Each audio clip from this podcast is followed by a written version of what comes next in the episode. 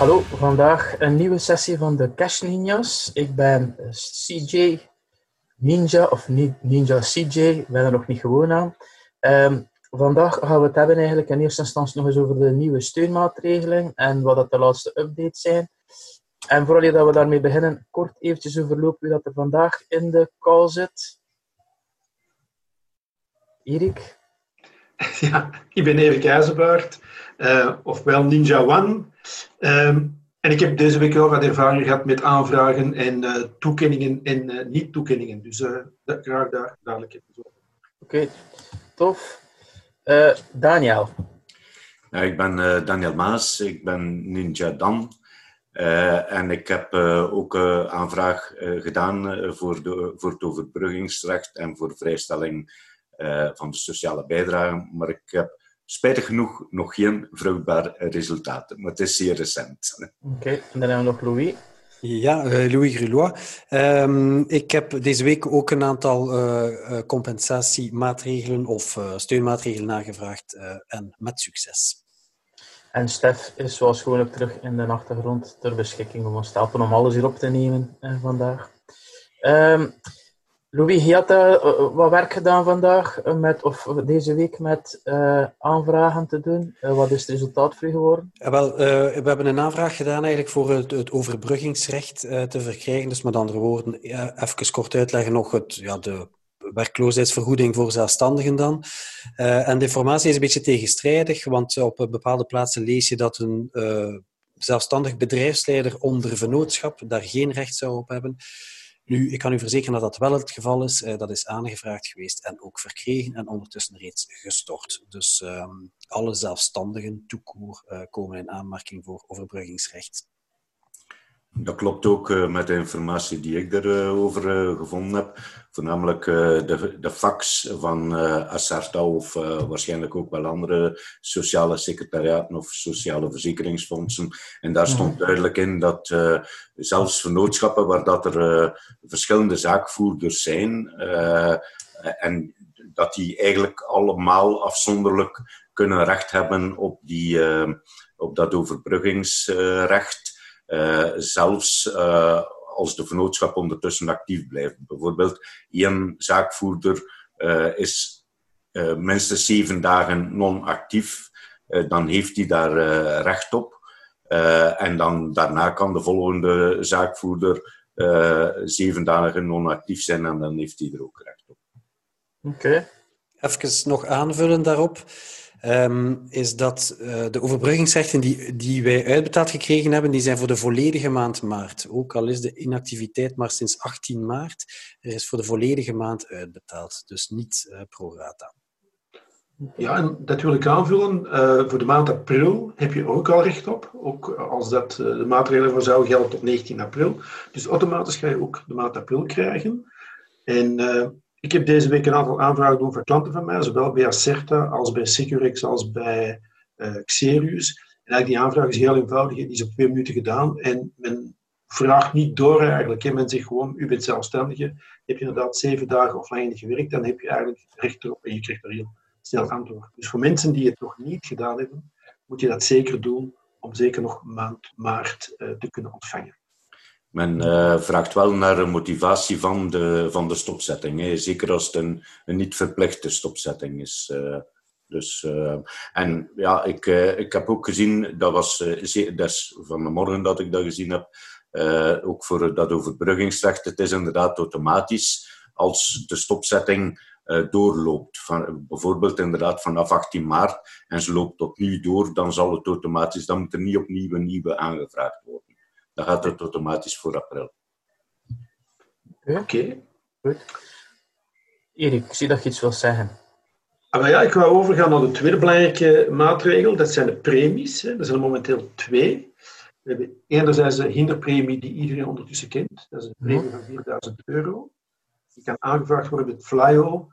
Uh, tot vorige week kon dat enkel de zaakvoerder of diegene die via Flyo een mandaat had gehad.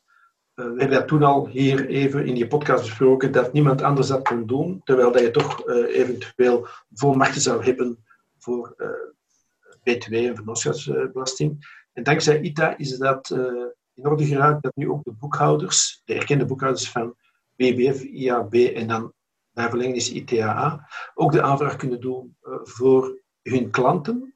En dat gebeurt dan gewoon via mail. Je moet gewoon een aantal gegevens invullen. Ik heb dat tot hiertoe gedaan voor een viertal klanten. Uh, voor één klant heb ik het antwoord gekregen dat het negatief was. En voor twee andere klanten heb ik gekregen dat het positief was. Dus het gaat ook eigenlijk zeer snel. En dan is er ondertussen ook een tweede premie bij, de compensatiepremie, maar die kan nog niet aangevraagd worden. Erik, ik zie dat er ook nog een vraag in de chat komt voor u. Uh, Erik, kan ik dat nog doen? Die aanvraag? Uh, ja, tuurlijk. Je kunt dat doen. Ik ken nu niet het einde. Ik dacht dat dat uh, voor 5 mei was. Maar je kunt nog altijd dat doen voor je eigen vennootschap. en het is Flyo die daar zeer snel antwoord op geeft binnen de week eigenlijk. Oké. Zijn er nog andere maatregelen wat er een update voor is? Of nieuwigheden? Uh, nee, voor de rest heb ik, maar dat zijn dan geen maatregelen, een aantal contact gehad met banken voor uh, Ubion en een aantal klanten, waar dat je eigenlijk een, uh, een opschorting vraagt voor het betalen van kapitaal voor zes maanden. En ook daar is afhankelijk van de bank de aanvraag zeer eenvoudig te doen. Ik heb daar nog geen antwoord op gehad, maar dat ziet er goed uit. En ik zou ook voorstellen voor alle mensen die denken dat zij problemen gaan hebben, niet nu in maart, april, mei, maar ook later, om toch die aanvraag te doen naar de banken. Uh, en daar heb je natuurlijk wel de beperking dat je gezonde onderneming moet zijn, maar ik denk dat dat een onderwerp zal worden voor een van onze volgende podcasts. Okay. Er is ook wel uh, nog de compensatiepremie. Uh, dus van 3000 euro, maar die kan voorlopig nog niet aangevraagd worden bij Vlaio. En daar is het, is het eigenlijk op een daling van de omzet van de periode vanaf half maart, dus, of vanaf 18 maart, tot, tot eind april. dus dat daar een daling van minstens 60% moet kunnen aangetoond worden ten opzichte van de omzet van vorig jaar. Okay. Of, het, of het financieel plan als je nog geen omzet had vorig jaar. Ja, inderdaad. En ik heb nu ook gezien dat men daar zou gaan kijken, dat dat in eerste instantie een verklaring op eer zou zijn. Dus dat die omzet inderdaad in die periode uh, minder dan 60%, uh, 60 verminderd is. Uh, tegenover vorig jaar. Maar nu natuurlijk uh, met de kwartaalaangevers, die gaan dat pas daarna kunnen aantonen. Uh, en daar zou men dan gaan kijken, heb ik vandaag ook gezien, dat de omzet van het tweede kwartaal, als die 20% eh, minder is dan vorig jaar, dat men dan bijna ja, automatisch zou gaan veronderstellen dat dat komt door die, door die coronamaatregelen. Mm. En pas als het meer dan, minder dan 20% gedaald is, de omzet van het tweede kwartaal, mm. dat, dan, dat men dan bijkomende uh, vragen zou gaan stellen en dat men dan de facturen gaat moet kunnen voorleggen.